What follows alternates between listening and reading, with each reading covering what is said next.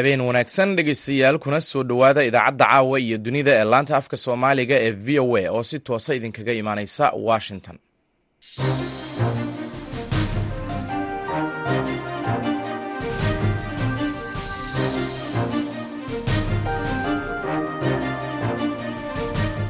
Waa fiidnimo isniin ah bisha janaayo ee sannadka labada kun iyo saddex iyo labaatanka waa lix iyo toban waxaad naga dhagaysanaysaan muwjadaha gaaggaaban ee lix iyo tobanka iyo sagaal iyo tobanka mitirban iyo bogga v o a somaly dtcom saacadda afrikada bari waa toddobadii fiidnimo. Idaacadda caawa iyo dunida waxaa idinla socodsiinaya anigoo ah maxamed bashiir cabdiraxmaan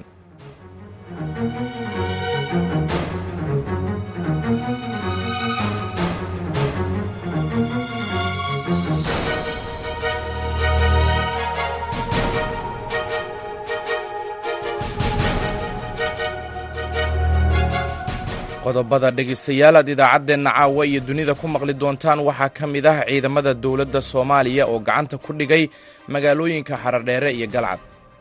Waxaan rabnaa inaan halkaan aan ka bogaadiyo uga hambalyeeyo ciidamada xoogga dalka soomaaliyeed ciidanka daraawiishta dowladda galmudug xoogaga kacdoonka ee dagaalka ka qayb galay.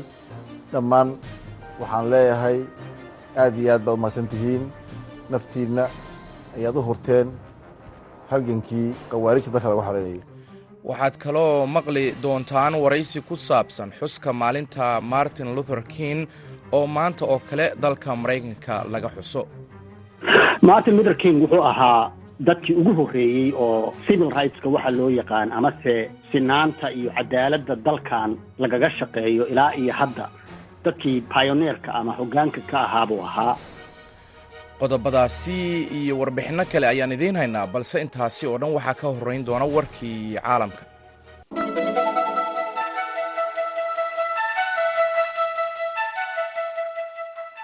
Kooxaha mintidiinta ah ayaa ku dhowaad konton haween ah ka afduubtay gobolka soom ee waqooyiga dalka burkina faso labayo tobankii iyo saddex iyo tobankii bishan sida ay dowladdu ku xaqiijisay bayaan ay soo saartay isniinta maanta ah raggan hubaysan ayaa haweenkan ka qabtay xilli ay qudrad ka qaadanayeen bannaanka tuulada liki oo qiyaastii shan iyo toban kilomitir u jirta magaalada arimbinda iyo degmo kale oo galbeedka ka xigta isla magaaladaasi.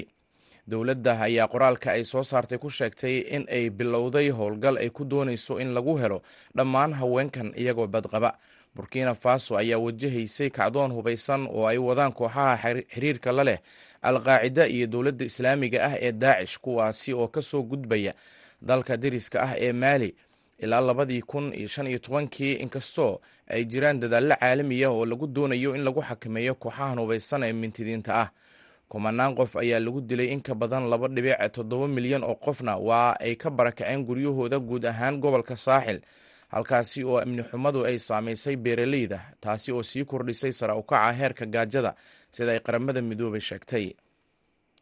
Wasiirka arrimaha dibadda ee jarmalka annalina barbok ayaa waxaa isniinta maanta ah u yeertay safiirka iiraan u fadhiya berlin waa markii labaad muddo toddobaad gudihiis ah sababo la xiriira xukun dil ah oo deg deg ah oo ay fulisay tehraan afhayeenka wasiirka ayaa xaqiijiyey tallaabadan waxaana uu sheegay in loogu yeeray safiirka kadib xadgudubyo ballaaran oo xuquuqda aadanaha ah iyo mawjado dil ah oo ay fulisay iiraan iiraan ayaa sheegtay sabtidii inay daldashay nin haystay dhalashada iiraan iyo tan britain kaasi oo ku eedeysnaa inuu basaas u ahaa dowladda ingiriiska waxaana falkaasi ka dhashay cambaareyn caalami ah oo ka timid dalalka reer galbeedka iyo kooxaha xuquuqda aadanaha cali riza akbari oo lixdan iyo kow jir ah ayaa la daldalay kadib markii lagu helay waxaa lagu sheegay musuq maasuq iyo waxyeelaynta amniga gudaha iyo dibadda iiraan sida ay warisay mareegta miisaan ee ku hadasha afka wasaaradda cadaaladda ee dalkaasi.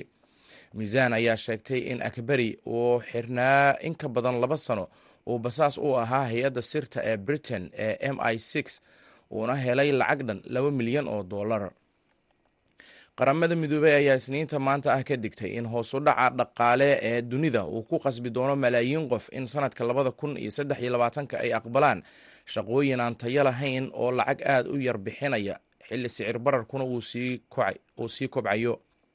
Ururka shaqaalaha caalamiga ah ee qaramada midoobey hoostaga ayaa sheegaya in maciishada ay si dhaqsi ah kor ugu sii kacayso marka loo eego dakhliga islamarkaasina dhibaatadan dhaqaale ay dad badan ku riixi doonto saboolnimo i l o ayaa waxa ay sheegtay in shaqooyinka wanaagsan ee yaraaday ay uga sii darayso dhowr caqabadood oo isdul saaran oo ay ka mid yihiin dagaalka ruushka uu ka wada ukrain xiisada loolanka juqraafi siyaasadeedka ee sii kordhaysa ka soo kabashada aan loo sinayn ee cudurka covid iyo caqabadaha sii socda ee isku gudubka shixnadaha dunida.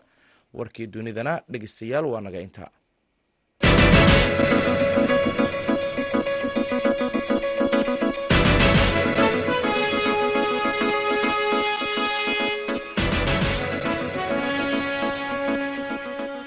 halka dhegeystayaal wararkaasi aad kala socotaan waa laanta afka soomaaliga ee v o a oo si toosa idinkaga imaaneysa washington fiidnimo wanaagsan. Mar kale aynu ku horeyna ciidanka xoogga dalka iyo xoogaga deegaanka ayaa maanta la wareegay gacan ku-haynta degmada xarar dheere ee gobolka mudug. Sida ay v o a u sheegeen mas'uuliyiin kala duwan oo ka tirsan dowladda federaalka ah iyo mas'uuliyiin heer gobol ah kooxda al-shabaab ayaa dhowr maalmood ka hor ka baxay xarar dheere. Goor sii horreysay oo maanta ahna waxa ay ciidamada dowladdu qabsadeen magaalada galcad ee gobolka galgaduud. Cabdiwaaxid macalin isaaq ayaa warbixintan noo soo diray. Ciidamada dowladda soomaaliya iyo kuwa daraawiishta dowlad goboleedka galmudug ayaa saacadihii la soo dhaafay ku guulaystay qabsashada deegaano ay muddo maamulayeen maleeshiyada al-shabaab oo ka tirsan gobollada mudug iyo galgaduud madaxweynaha dowlad goboleedka galmudug axmed cabdi kaariyo qoorqoor oo shir jaraa'id ku qabtay degmada hobyo ee gobolka mudug ayaa ka hadlay qabsashada degmada xaradheere iyo galcad oo ciidamada galmudug iyo kuwa dowladda soomaaliya ay gacanta ku dhigeen. Waxaan rabnaa mahad dhammaanteed inaan marka hore alla subxaana wa tacala u celino ilahay baa mahad leh. Dhammaanteed kadib waxaan rabnaa ummadda soomaaliyeed meelay joogtaba inaan ugu hambalyeyno ku bogaadino isugu hambalyeyno guusha weyn ee la gaaray gaar ahaan waxaan leenahay reer galmudug meelay joog meelay joogaanba gul weyn baan gaarnay. Ilahay baa gul weynna siiyey. Naga gacan sarraysiiyey cadowgii argagixisada ahaa ee khawaarijta ah waxaan leenahay maantay magaalooyin fara badan ayaa horena gacanta u soo galay. Maantana magaalooyin istraatiijiya saad ogtihiin oo waaweyn ayaa lagu guulaystay oo runtii laba degmo oo ah degmooyinkii ay muddada dheer dadkana ku dhibaateynayeen oo ku dhacayeen oo ku dulaysanayeen degmada qadiimiga ah ee xaradheere iyo degmada galcad. Madaxweyne qoorqoor ayaa shacabka galmudug u sheegay in guusha xoreynta degmooyinka galmudug ay al-shabaab kaga sugan yihiin ay dhowdahay islamarkaana ay ciidamadu tegi doonaan deegaan kasta oo al-shabaab ay ku sugan yihiin. Waxaan leenahay meel kasta oo ay joogaan dadka reer galmudug. Walaalayaal guushu waa isdaba joog. Waxaan leenahay taaka ka mid a galmudug. Uga hari mayno inta dhiman ayaan ka dhammaystirayna insha allahu tacaala. Sidoo kale waxaa noo suukaana mid ah dhulka soomaaliyeed meel kastay ka joogaan. Meel walbay ka joogaan baan tegayna. Waxaan rabnaa inaan halkaan aan ka bogaadiyo uga hambalyeeyo ciidamada xoogga dalka soomaaliyeed ciidanka daraawiishta dowladda galmudug xoogaga kacdoonka ee dagaalka ka qayb galay. Dhammaan waxaan leeyahay aada iyo aad baad umahadsan tihiin naftiina ayaad u hurteen halgankii khawaarijta dalka laga xoreynayay dadkiina dalkiina iyo diintiina ad ku xoreyseen inta dhimanna waa ku guuleysanaysaan insha allahu tacaala. Walaalayaal ummadda somaliyed meelay joogtaba mar kale aan hal mar u wada guntano waa loo guntaday waa la gaaray guushii aan ugu guntano weliba waxay galeen aan ka goonaynaa mar walba. Waa kama harayno kama harayno yayna baxsanin insha allahu tacaala toddobaadkii la soo dhaafay ayaa dhaqdhaqaaqyo ciidan oo xooggan ay ka bilowdeen degmada hobyo iyo deegaano hoostaga waxaana qeybaha ciidamada ee wadajira ay ku guulaysteen qabsashada deegaano ay al-shabaab ku sugnaayeen inkastoo aysan jirin wax iska horimaad ah oo ilaa iyo hadda laga soo wariyey. Deegaanada ay ciidamadu ka qabsadeen maleeshiyada al-shabaab. Dhinaca kale qaybo ka mid a gobolka galgaduud ayaa iyana laga soo warinayaa in ay ka socdaan dhaqdhaqaaqyo ciidan oo ka dhana maleeshiyada al-shabaab waxaana saraakiil ka tirsan ciidamada ay v o a u sheegeen in deegaano ka tirsan gobolka galgaduud ay isaga baxeen maleeshiyada al-shabaab kuwa oo muddo ku sugnaa. Cabdiwaaxid macalin isxaaq v o a degmada hobyo ee gobolka mudug haddaba howlgalladan militari ee ugu dambeeyey ayuu haaruun macruuf ka waraystay wasiirka gaashaandhigga ee soomaaliya cabdulqaadir maxamed nuur.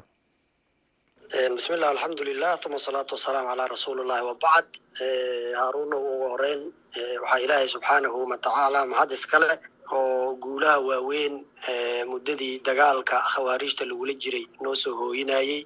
Ummadda soomaaliyeed iyo guud ahaan shacabka muslimiinta oo soomaaliyeed u soo hooyinayay maaragta ayaa mahadle. Sidaa la socoto maaragta galmudug waxaa ka socdo sifeynta khawaarijta ama ciribtirka khawaarijta. Waxaa ilaahay mahaddiisa ah maalmihii la soo dhaafay in tuulooyin waaweyn laga qabanayay khawaarijta.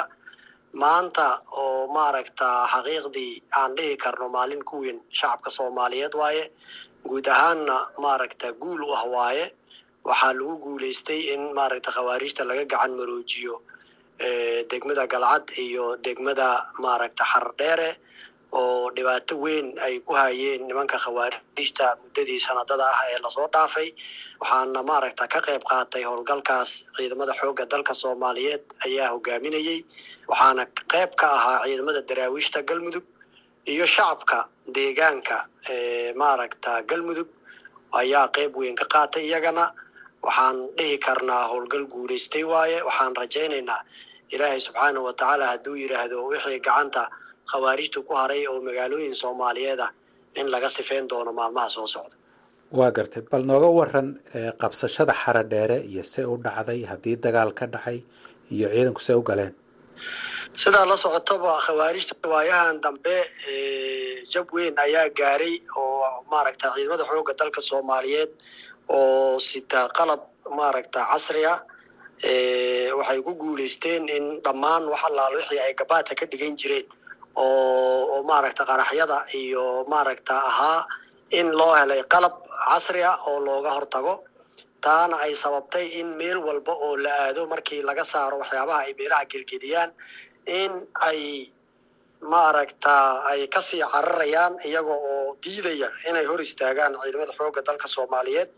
Waxaa kaloo dhibaato weyn ka gaartay maleeshiyaadka ay dagaal gelinayeen oo xaqiiqdii noqday maleeshiyaad calooshoodu shaqaystayaala oo maaragta ku qancilla maaragta dhibaatadii ay maaragta markii hore ay u sharxi jireenoo inay isku filan yihiin inay maaragta tabar leeyihiin wixii ku qanci waayey oo ka kala cararaya oo intoodii badan maaragta ciidamada xoogga dalka iyo hay'adaha amniga isku soo dhiibayo taana waxay sababtay in ay meel walba oo lagu maaragta lagu kulaalo aynan istaagi karin.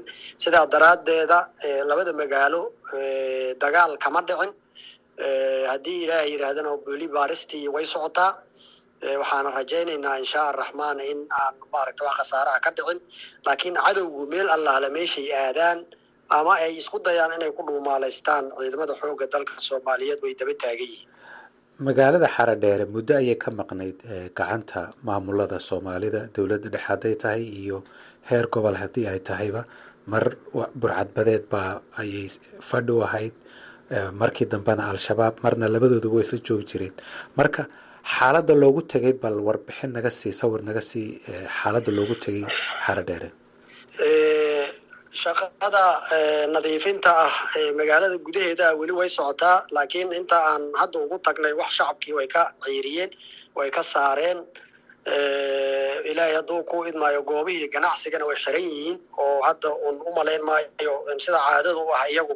Marka ay magaalo ka tagayaan wixii nacfi yaalana way ka qaataan wixii daawo taalana way ka qaataan shacabka joogana way barakiciyaan marka waxaan aaminsanahay maaragta intaa hadda indheheenu qateen wax maaragta shacba looguma tegin. Laakiin waxaa diyaar ah shacabkii galmudug iyo guud ahaan maamulkii galmudug oo aan rajaynayno in maaragta meeshaasi iyo dadkaasi in si dib ah loogu soo xesho deegaanadoodii iyo maaragta noloshooda dib loogu soo xesho ay ka shaqeyn doonaan.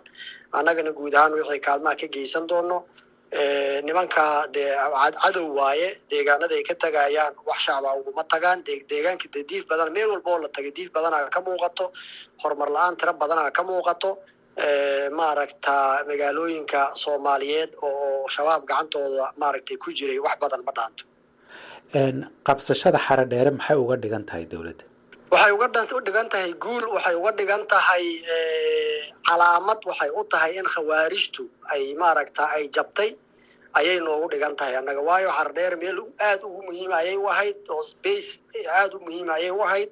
Annaga waxay noogu dhigan tahay guul iyagana waxay ugu dhigan tahay maaragta jab.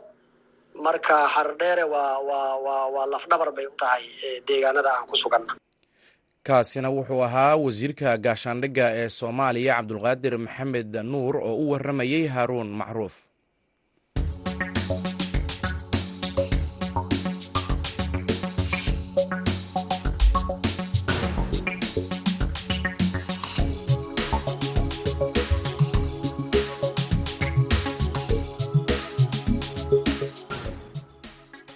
Sanad kasta isniinta saddexaad ee bisha janaayo. Waxaa dalkan maraykanka laga xusaa maalinta dhalashada hogaamiyihii madowga ahaa ee martin luther king jr oo u dhaqdhaqaaqi jiray xuquuqda madaniga ah ee dadka madow. Martin luther king waxaa lagu dilay magaalada memphis ee gobolka tennessee bishii abril ee sannadkii kun sagaal boqol lixdan iyo sideedii haddaba taariikhda martin luther king iyo xuska maalintan ayaa caashe ibraahim aadan. Waxa ay ka wareysatay cabdiqafaar cabdi wardheere oo ka faallooda xiriirka caalamiga ah. Martin luther king wuxuu ahaa dadkii ugu horreeyey oo civil rightska waxa loo yaqaan amase sinaanta iyo cadaaladda dalkan lagaga shaqeeyo ilaa iyo hadda. Dadkii pioneerka ama hoggaanka ka ahaa buu ahaa. Dad badan waxay ku xasuustaan oo keliya inuu dadka madowga u doodi jiray laakiin waa ka ballaaran tahay. Arrintiisu saas ma ahayn.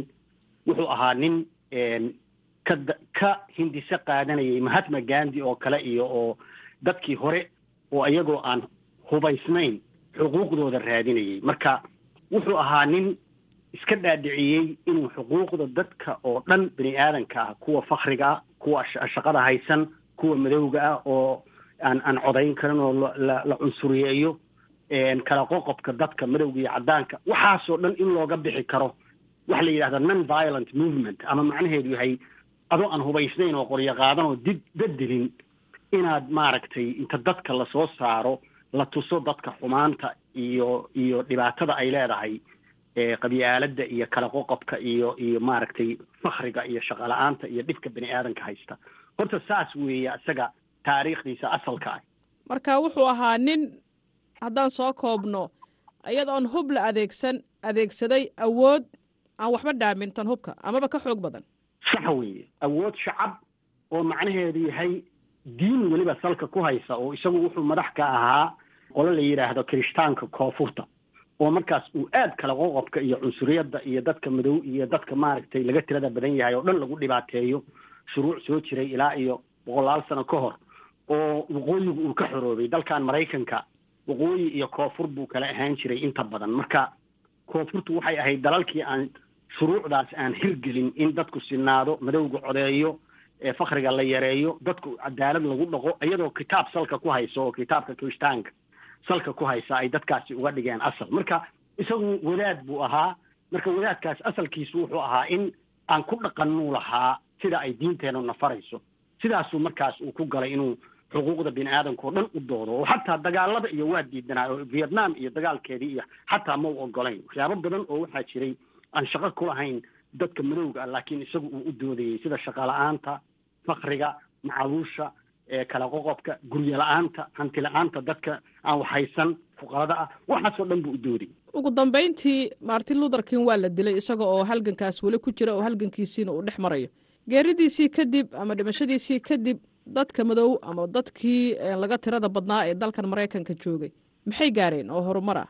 Wax badan bay gaareen. Horumar waxay gaareen. Ilaa iyo hadda weli socdo. Maraykanka waxaa la yidhaahdaa waa waa learning experiment. Waa waa wax mar kasta la saxayo dib loo saxayo. Ilaa iyo hadda ilaa iyo xataa soddon afartankii sano u dambeeyey xataa horumarka uu sameeyey waad yaabaysaa sida gabdhihii xuquuqdoodii iyo xuquuqdii dadka madowga ahaa iyo codayntii iyo heer waxaa la gaaray hadda la marayo wa waxaa loo yaqaano maaragtay inclusion iyo diversity iyo aada maqashidoo halaysku dadka yaan la kala soocin oo yaan lagaa reebin oo dadka yaan shaqada lagu cunsuriyeyn oo waxaasoo dhami hadda waa wax standara oo weliba generationadan hadda nool yacni caadi bayba u arkaanba inaan dadka la kala qoqodin oo midab lagu lagu cunsuriyeyn waa inaad la dhuumataa. Haddaad dad cunsuriyeynayso hadda waa inaad miiska hoostiisa gashaa oo la dhuumataa. Marka wax badan bay ka bedeshay marka marka la xusayo sanad waliba ma waxaa jira thiim guud baa jira oo sanad waliba lagu saleeyo waxyaabaha xuskaas ee la samaynayo isaga lagu xusuusanayo. Mise sanad waliba wuxuu ka turjumaa xaaladda markaasi taagan. Xuskiisa siduu u dhacaa?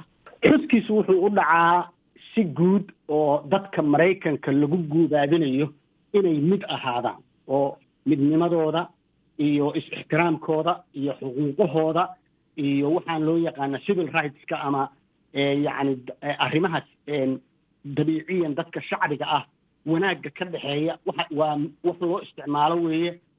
Kun iyo sagaal boqol iyo siddeetan iyo lixdii baa madaxweynihii hore oo weliba jamhuuri ah hataan dimuqraadi ahayn reagan wuxuu xeeriyey in maalinta dhalashadiisa laga dhigo maalin fasaxa oo federaal oo waddankao dhami uu uu fasax yahay. Marka ilaa xadkaasaa la sharfay nobel peace price baa la siiyey. Yacni intaasoo bilada ahaa maaragtay la guddoonsiiyey sababtoo ah guddaan iyo madowba waa ka faa'iideen ninkaas wixii uu sameeyey. Ogowna samaynta uu non violent ama inaan dagaal la gelin waxay sahashay. Dad badan baa qoryo watay oo madow ah oo lahaa dalkan waa ka guuraynaa waxaa la yidhahdaa taariikhda maraykanka. Weligaa baran maysid haddaadan lixdan iyo sideeddii kun iyo sagaal boqol iyo lixdan iyo sideeddii haddaadan aada u akriyin oo magaalooyinka maraykanku ay gubanayeen. Marka dad badan baa aaminsanaa in xabad lagu kala baxo taasuu ka badbaadiyey caddaan iyo madowga inay isu yimaadaan oo oo qof kasta xuquuqdiisa la siiyo sidaasna lagu wada badbaado. Dadka maraykanka guud ahaan markaa maxay ka barteen? Marka laga soo tago dadka laga tirada badan yahay oo madowga uu kow ka yahay oo uu ololeynaya maxaa laga bartay?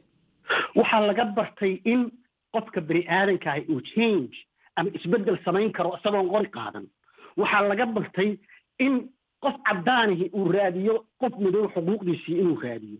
Waxaa laga bartay in gabdhaha iyo muxuu ahaa dadka maaragtay markaas aan xuquuqdoodu dhammaystirnayn iyo in ay iyaguna intay istaagaan ay ay xuquuqdooda doontaan oo ay noqoto in demonstrationka ama mudaharaadada dadku shirarka ololayaasha ay samaynayaan. Dadkoo dhami inay tahay inayn khasab ahayn in cid waliba qori qaadato oo oo jid xirato. Marka runtii wax badan baa maraykanku ka bartay oo indhahaba u furtayba. Ilaa iyo haddeerna maraykanku uu ku dhaqmo. Oo qolo kastoo wax tabanaysaa tabeelaheeday soo qaadataa mudaharaad codkeeda iyo bay wax ku doonataa. Marka mudaharaad iyo communication iyo wada xiriir iyo inay xildhibaanadooda wacaan iyo inay dariiqa maraan iyo inay la diriraan waa waa waxyaabaha asalka u noqday bay noqotay. Inaadan u baahnayn inaad qoriyo guratid si aad xuquuqdaada u raadsatid. Duruustaasna runtii isagaa dhigay. Markaa si kooban cabdiqafaar cabdi wardheere dhaqdhaqaaqii doctor king ee ahaa in awood shacab wax lagu raadiyo. Africa maxay ka baratay? Nasiib daro africa sidii la rabay wax ugagama baran sababtoo ah inta badan africa waxaa isku haystay awoodihii warso iyo nato baa isku haystay. Wixii ka dambeeyeyna waxaa gacanta ku hayay quwadaha waaweyn oon marna u ogolayn inay dimuqraadiyad rasmiya ay ka hirgasho. Oo waa hadda haddadaana africa waxaa dhibkaasi uu ka jiraa oo waxaa ku tartamaya shiine iyo maraykan iyo ruush iyo wax allaaliya wixii awood leh. Oo mar kastaba waxay isticmaalaan dad ama ay hubeeyeen ama si kale ay u maalgeliyeen. Oo markaas aan ogolaynba in dadku uu wada hadlaba oo inta ishor fadhiisto si non violenti oo colaad la'aana ay isu hor fadhiistaan sababtoo ah qofka afrikaanka ahi maanta waa inuu xulafo kale ku tiirsan yahay. Xulafadaasaa hubaysa maalgelisa danaheedana ku qumsata marka waa nasiib daro ma aanay helin awooddaas inay u madax banaanaadaan in afrikaanku uu isku waraysto si non violenti ah ama si aan colaadi ku jirin. Kaasina wuxuu ahaa cabdiqafaar cabdi wardheere oo u waramayey caashe ibraahim aadan caashe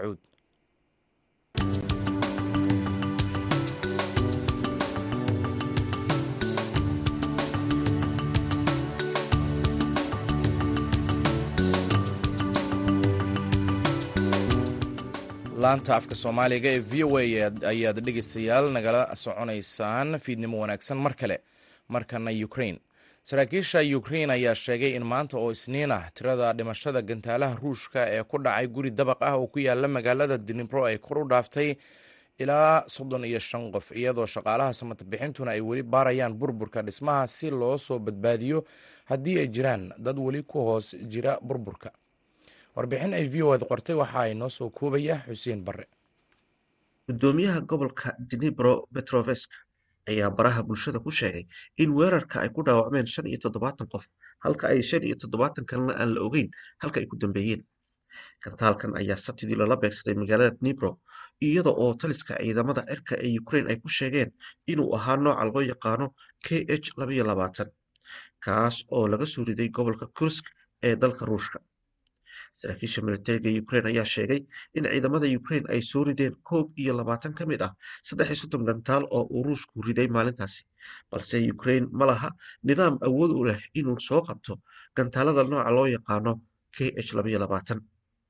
Ciidamada ruushka ayaa si isdaba jooga u garaacayay bartilmaameedyada rayidka ah tan iyo markii ay gudaha u galeen ukraine bishii februari saraakiisha ruushka ayaa si joogtaha u dafirayay inay sidaasi sameeyaan iyada oo maanta oo isniin ah uu afhayeenka kremlinka dimitri beskov uu sheegay in ciidamada ruushku aanay weerarin dhismayaasha la degan yahay ama kaabayaasha bulshada balse ay weeraraan bartilmaameedyada militariga beskov ayaa sheegay in wixii ka dhacay dinibro ay sababeen difaaca hawada ee ukraine sida uu hadalka u dhigay. Madaxweynaha ukraine volodimir zelenski ayaa khudbadiisii habeennimo ee axaddii waxa uu ku sheegay in uu u mahad celinayo kelmado taageero ah oo caalamka oo dhan uga yimid weerarka kadib isagoo intaa ku daray inay aad muhiim u tahay in dadka rayidka ahi ay u midoobaan sidii looga jawaabi lahaa argagixisada. Dalka ukraine dariska la ah ee ka xiga dhinaca waqooyiga ee belarus ayaa isniinta maanta bilaabay dholatus militari oo ay si wada jira ula sameynayaan ciidamada ruushka.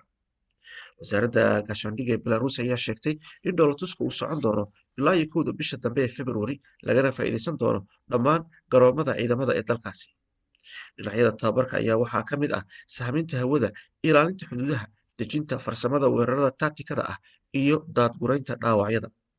Belarus waxa ay ka qayb qaadatay dholatus militari oo badan oo ay la gashay ruushka. Dhinaca kale kremlinka looga taliyo dalka ruushka ayaa ka jawaabay gargaarka reer galbeedka ay u yabooheen ukraine iyagoo sheegay in taangiyada britain ay qorsheynayso inay u dirto ukraine ay gubi doonaan una gubi doonaan sidii kuwii kale ee ka horreeyey britain ayaa sabtidii ku dhawaaqday in taangiyada jallenger laba ay u diri doonto ukraine si ay gacan uga geystaan ka hortagga duulaanka ruushka. Mahadsanid xuseen barre aadan oo warbixintaasi ay v o a qortay noo soo koobayay markanna dhinaca kaalmaha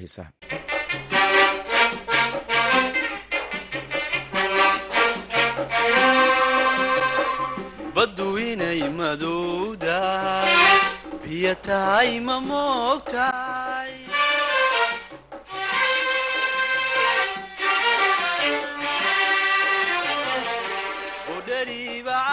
caashaaqu batalaale inuu dhiigu cakuye la soo booqdu moogtahay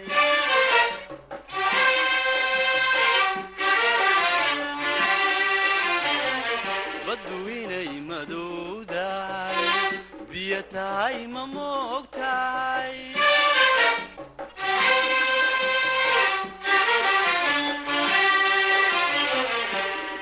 budhariiba caashaaqu batalaale inuu dhiigu la soo booqdu moogtahay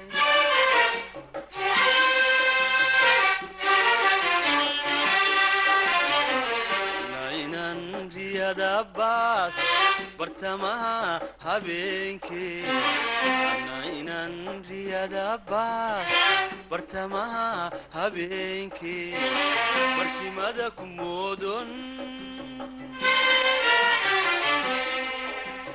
Beer ka saaro auga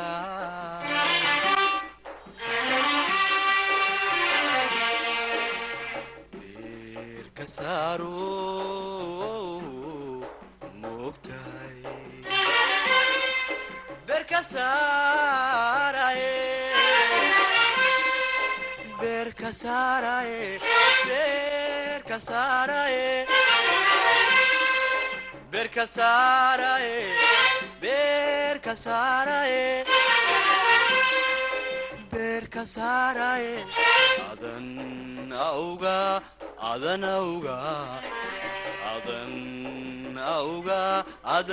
auga beerka saara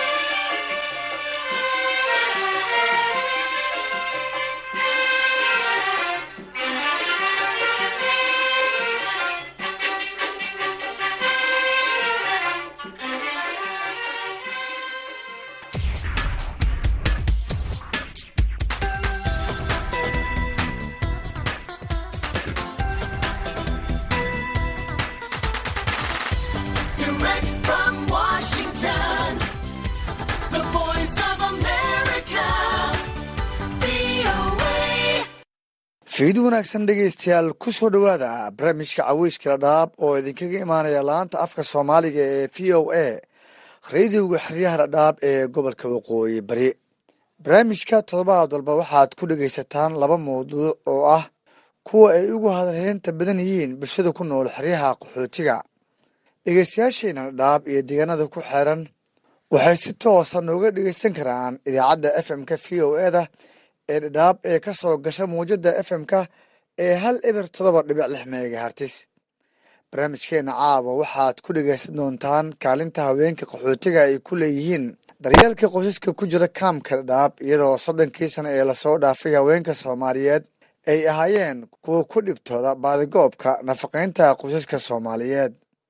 Sidoo kale barnaamijka waxaa qayb ka ah qaxootiga ku jira xeryaha oo ka cabanaya biyoyari iyo masuq la'aan ka jirta qeyba ka mid a xeryaha qaxootiga. Kama marna xubintii shakhsiga toddobaadka oo isbuucan aan ku wareysan doono abwaan khaliifa muuse samatar oo wakhti dheer ku noolaa xeryaha qaxootiga ee gobolka waqooyi bari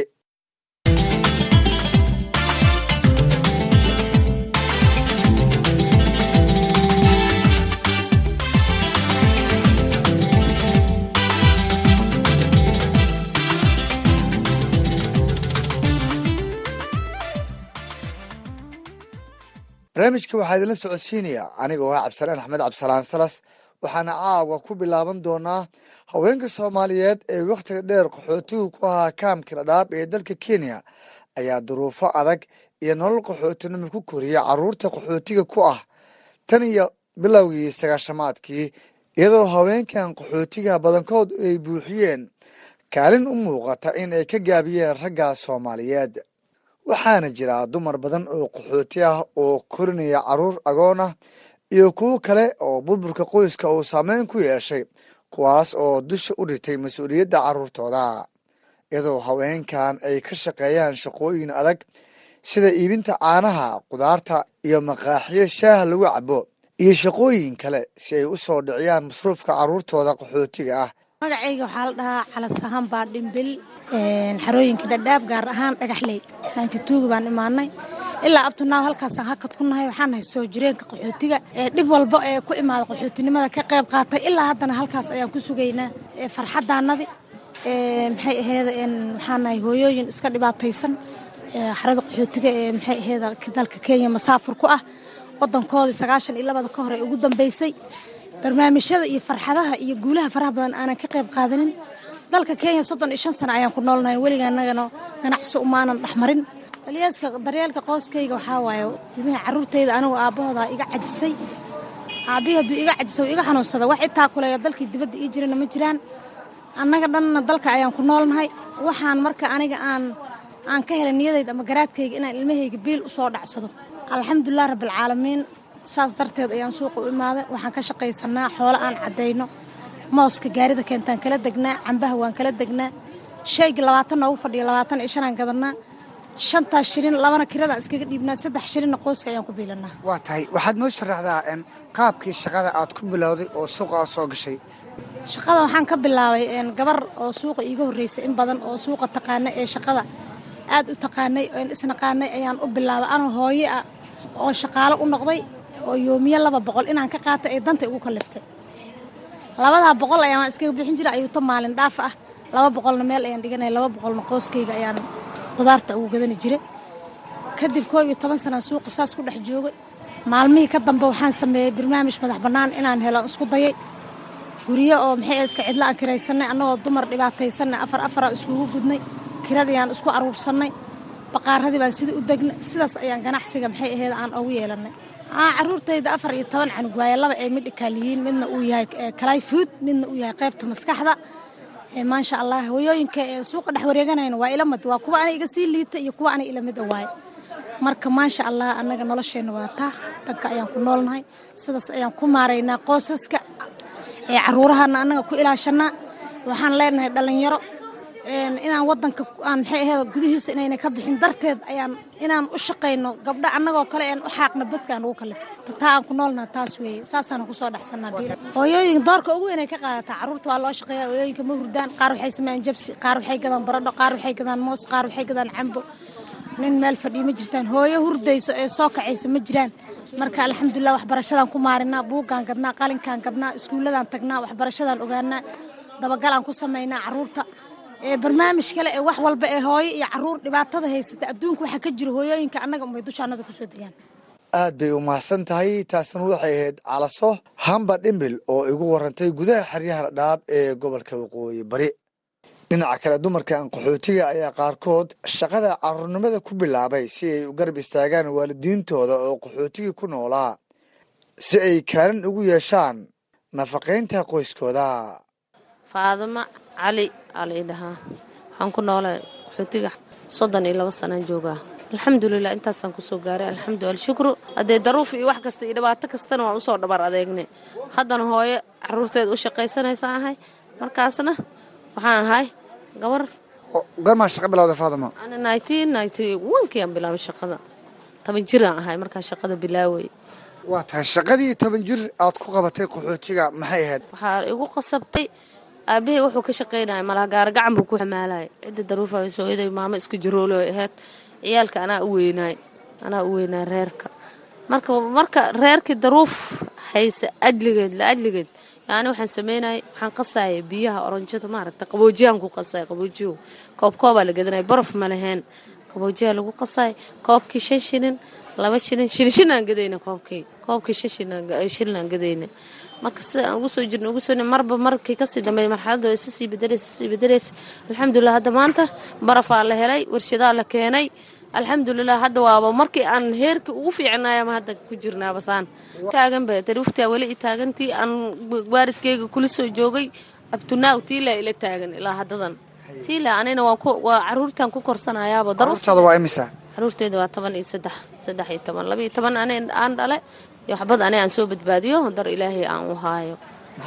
Hadda nolosha adagaan ka caawiyaa dee wax kasta waxay ilaahay u keena waaba goonigiisa laakiin iskuulka maxayda bareefadka xag caafimaad wax walba caruurtaas ayaan ka difaacaa. Ilaah baa difaacay anaa u soo dhiciyo aabihii ilan waxba ma haayo. Isagana waa ilmad wax uu haayaba male daruufaanba iska guursanay shalaybo. Waxba ma haayo. Marka saasa bal ka waran caqabadaha la kulanto maadaama hooyaa tahay caruurtiisa halkaa ka soo kalahday maanta odil suuq aa taagan tahay. Culeys weynaa iska jiro walaalka ilaahay dadka bixin kara culeys weynaa aada u jiro. Anigoo maanta labaiyo tobanka suuqa aan joogo qoyskii noloshiisa barbar dhil labaatankiiba waxaan keenaa ani wax markaasita nolosha cawadan un wax ku filan unbaan keenaa. Wax ka sii saaidle inaan keenin baa laga yaabaa. Sababtay tahay waxaan gadaayana waa yaanyo yaanyadaasaan gadaa aad aragtid oo miiska hadda aan la dul fadhiya iyo liintaas waxaasaan gadaa. Reer dhan oo laba saddex iyo toban ku qababanna oo radbax rabo iskuul rabo wax walba raba. Waad og tahay noloshiisa koley lagaagama sheekaynayo. Daruufan baana iga soo wada gurigaa lagu haya casirkii markaan taga canugta waxaan imaanaya oo rafaadsan silaacsan maxay waad iska ogtahay daruuf adduunyaa iska jirta mooga? Meel laga taga ma jooga hadda. Waxaana hooyo soomaaliyeed ku nool xerada dhagaxli muddo toban sano ayaan maqaadshidhayaa marka ku nooleeyaa ilmahayga iyo reerkayga.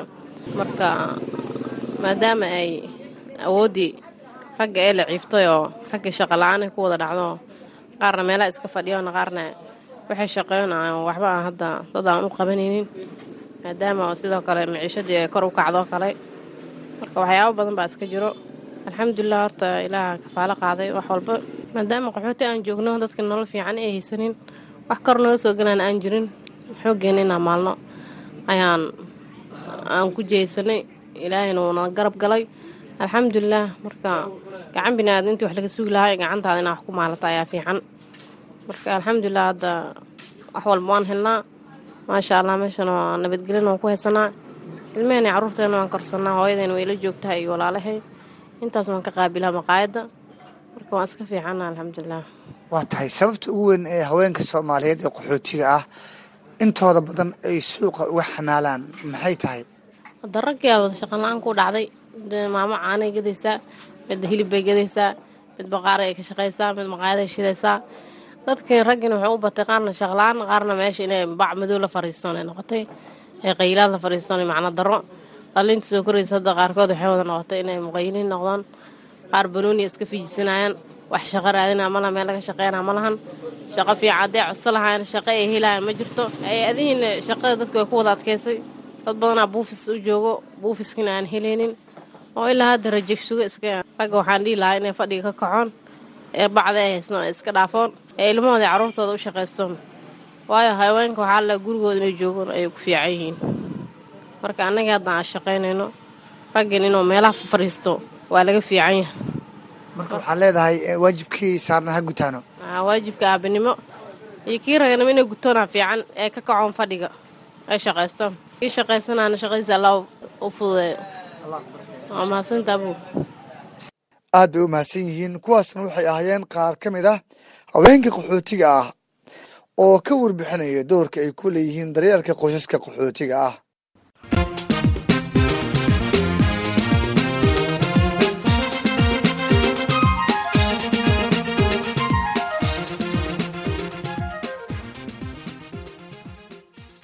dhegeystayaal waxaan dhexda kaga jirnaa barnaamijka caweyska dhadhaab qeybihiisa dhexe.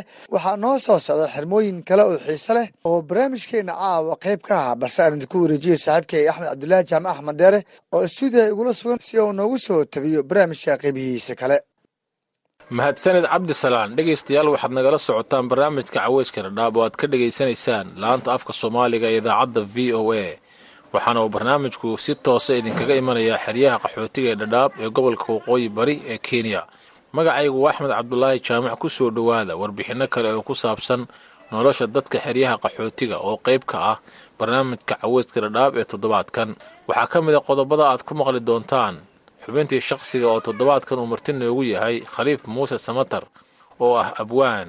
Inta badan suugaantiisa uga hadla dhinaca wadaniyadda iyo jacaylka dalka hooyo waxaad kale oo maqli doontaan qaar ka tirsan dadka ku nool xeryaha qaxootiga oo ka cabanaya musqulo la'aan iyo biyoyari xilli uu xeryaha ka jiro cudurka daacuunka oo siyaabaha loo xakamayn karo ay qayb weyn ka tahay hagaajinta dhinaca fayadhowrka. Aan ku bilaabay dhegaystayaal khaliif muuse samatar oo ku magac dheer sanyare. Waxa uu suugaantiisa inta badan diiradda ku saaraa dhanka wadaniyadda isaga oo dhallinyarada iyo bulshada inteeda kalena ku booriya inay jeclaadaan dalkooda sidoo kalena dadka ka waaniya inay dalal kale u hanqaltaagaan abwaanku waxuu waraysiga ku bilaabayaa halka ay xilligan kala marayaan dadka soomaaliyeed iyo wadaniyaddu aragtidiisa. Wadaniyadda waxa weeye horta waxaan u malaynayaa anigu soomaalida. Yacnihii maaragtay ilaahay ha iga dhaafee u malayn maayo wadaninimo waxa la yidhahdaa inay fahmayaan.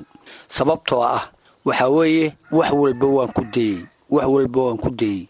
Waxa weeye waxaan garan la'ahay ilaa hadda wadanininimadii meeshay ka martay. Marka waxa weeye aniga waxaa hadda yacnihii soomaalida ugu jeclaatay intii suugaan aan tirinayey weligay iyo allahay anoo qabiil ka hadlaya ama urur ka hadlaya ama koox ka hadlaya lama arag. Waxa weeye soomaalinimada unbaan ka hadlayey u n-na xeryaha qaxootiga waxaa weeye inta la ii yeedhay baa layidhi adduunka meeshaa doonto aanu kuu diraynaaye naga daacayda waxaan idhi adduunka anugu maba rababa inaan adduun kala aadeen.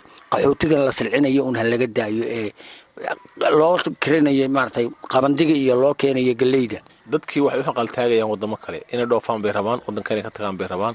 Qof ku fikeraya dalkii inuu ku laabto waddankeenni uu ka qayb qaato dibdhiskiisii iyo nabadgelyadiisii way yar tahay. Dhallinyarada aad ula hadashaa oo aad ka waanisaa waxyaabahaas. Waddooyinka aad u martid inaad dhallinyarada ka wacyigelisid inay waddamo kale u hanqaltaagaan aadna ku wacyigelisid inay waddankii ku laabtaan. Waddooyinka aad u marta maxaa ka mid a waxaa ka mid a dhallinyaradu horta waxaa weeye qaxootigan markaan joogo gabayadu way fara badan yihiin. Inkastoo hadda waxa weeye aanan dee soo koobi karin laakiin kii iigu dambeeyey hadda gabay weliba mu ahayna wuxuu ahaa yacnii geeraar buu ahaa gabay ahaan ah.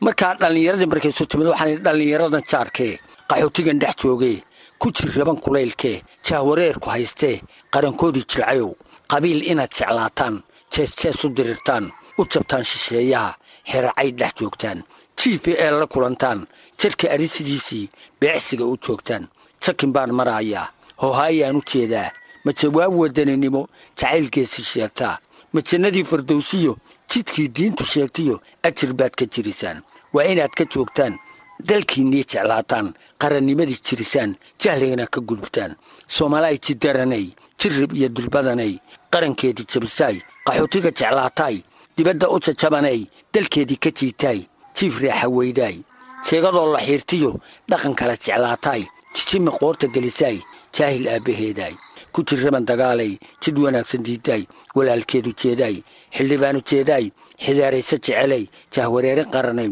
jaahil aabbaheeday. Jicni ficilka leeyay jawaankeer la aadaay derbi jiif ka dhigatay jaahil aabbaheeday. Jacaylkii wadanimo jahliyadda ka jecelay jeeb nin kale u jeedaay jaahil aabbaheeday cadow soo jeheeyay dalkeedii ku jebiyay jiif raaxaweyday jaahil aabbaheeday taasina waxay ahayd waa dhallinyaradan la dardaarmayey oo laawar iska daaya dhoofitaanka iyo waxaanaad u ordaysaan. Dhallinyaradu marka aad u tiriso geeraarka noocaas iyo kuwa kale falcelinta kaaga timaada ama waxyaabaha ay kugu yidhaahdaan maxaa ka mid a waxaa ka mid a waxaa weeye aad iyo aad bay dhallinyaradu ay weliba gabaygan hadda aad bay u jeclaysteen gabay kaloo isagana waxay jeclaysteen ahaa midnimadii soomaaliya haddii meeshii laga saaray.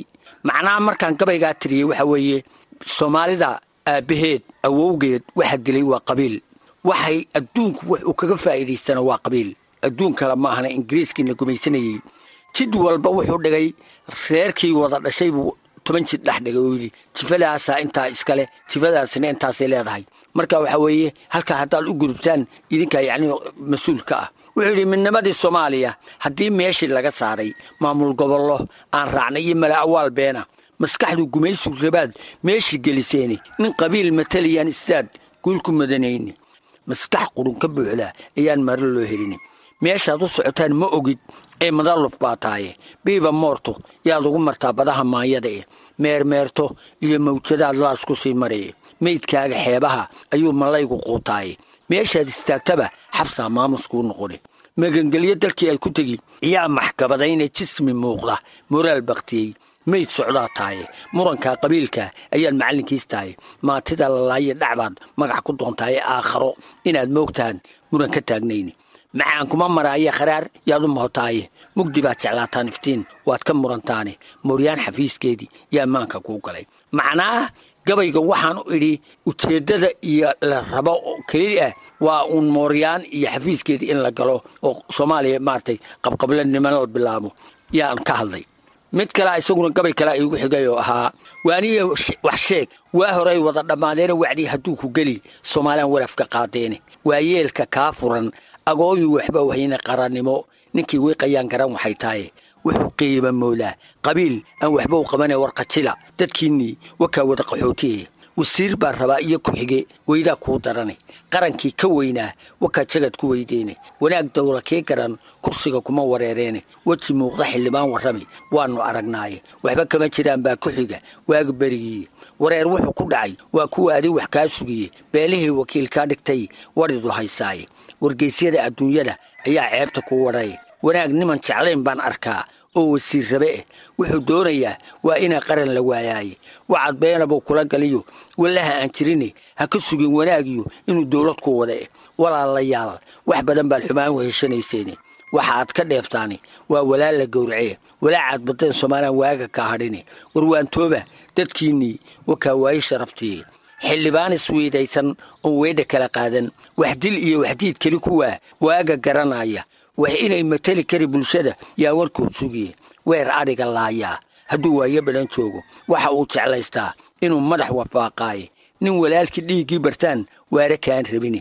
Nin walaalkii dhiiggii bartaan waana kaa rabine weel duleelo wax ku subo. Caqliga wuu ka wan yahay wax ninkii ka sugaa kuwa inuu waalan yahay weeye macnaa weel duleelo haddaad biyo ku subato biyihii may qaadayaan waa waxayne kan dambena waxaad kula hadlaysaa siyaasiyiinta hadday noqoto dowlad goboleedyada iyo dowladda dhexe sida baarlamaanka o kalea ka dhex muuqda iyo wasiirada dadka u orda.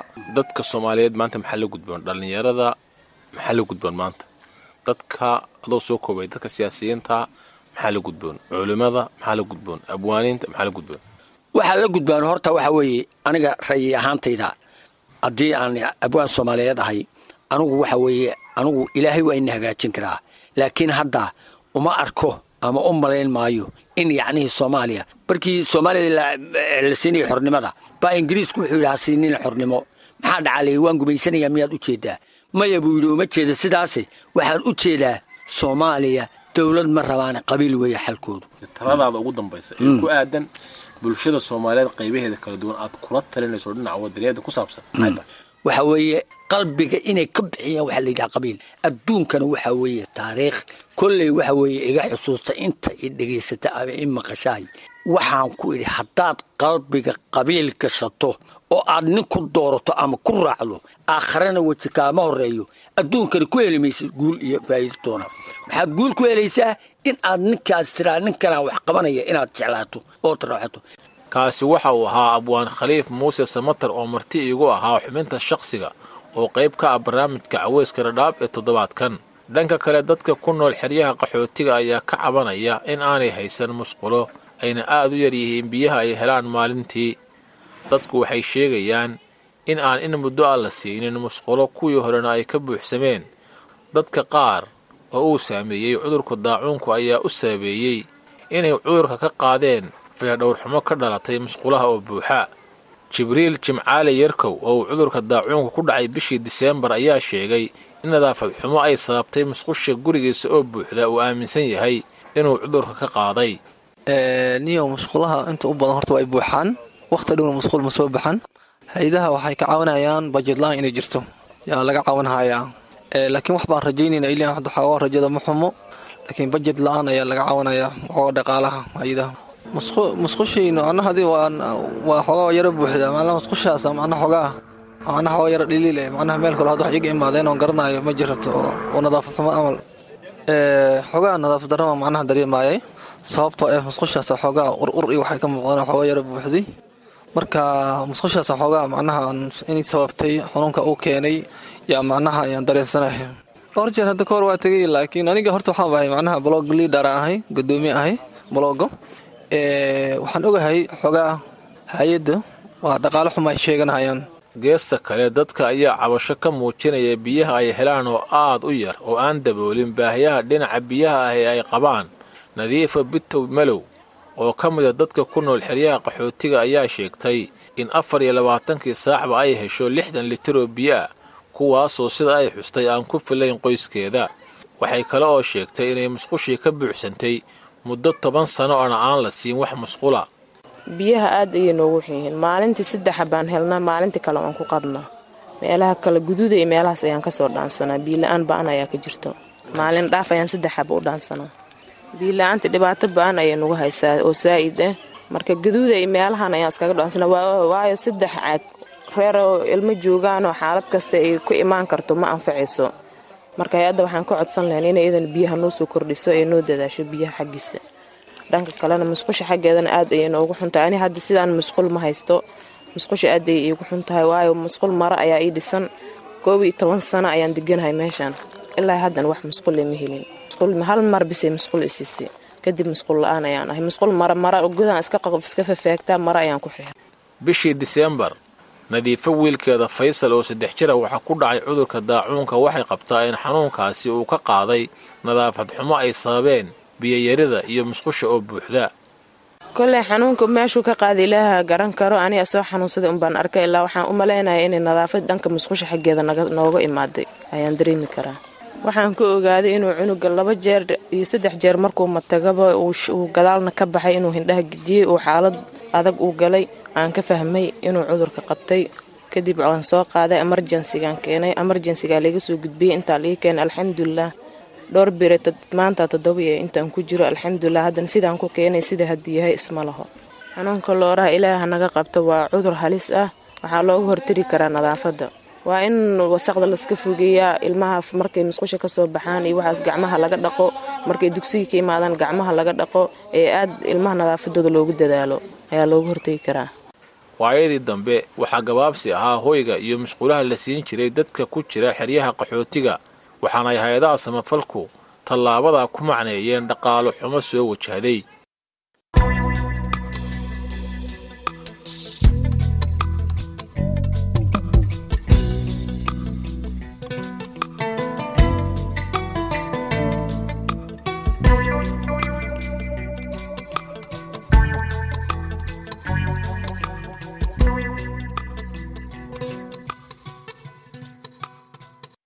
dhegaystayaal intaa ayuu inoogu egyahay barnaamijkii caweyska dhadhaab ee toddobaadkan.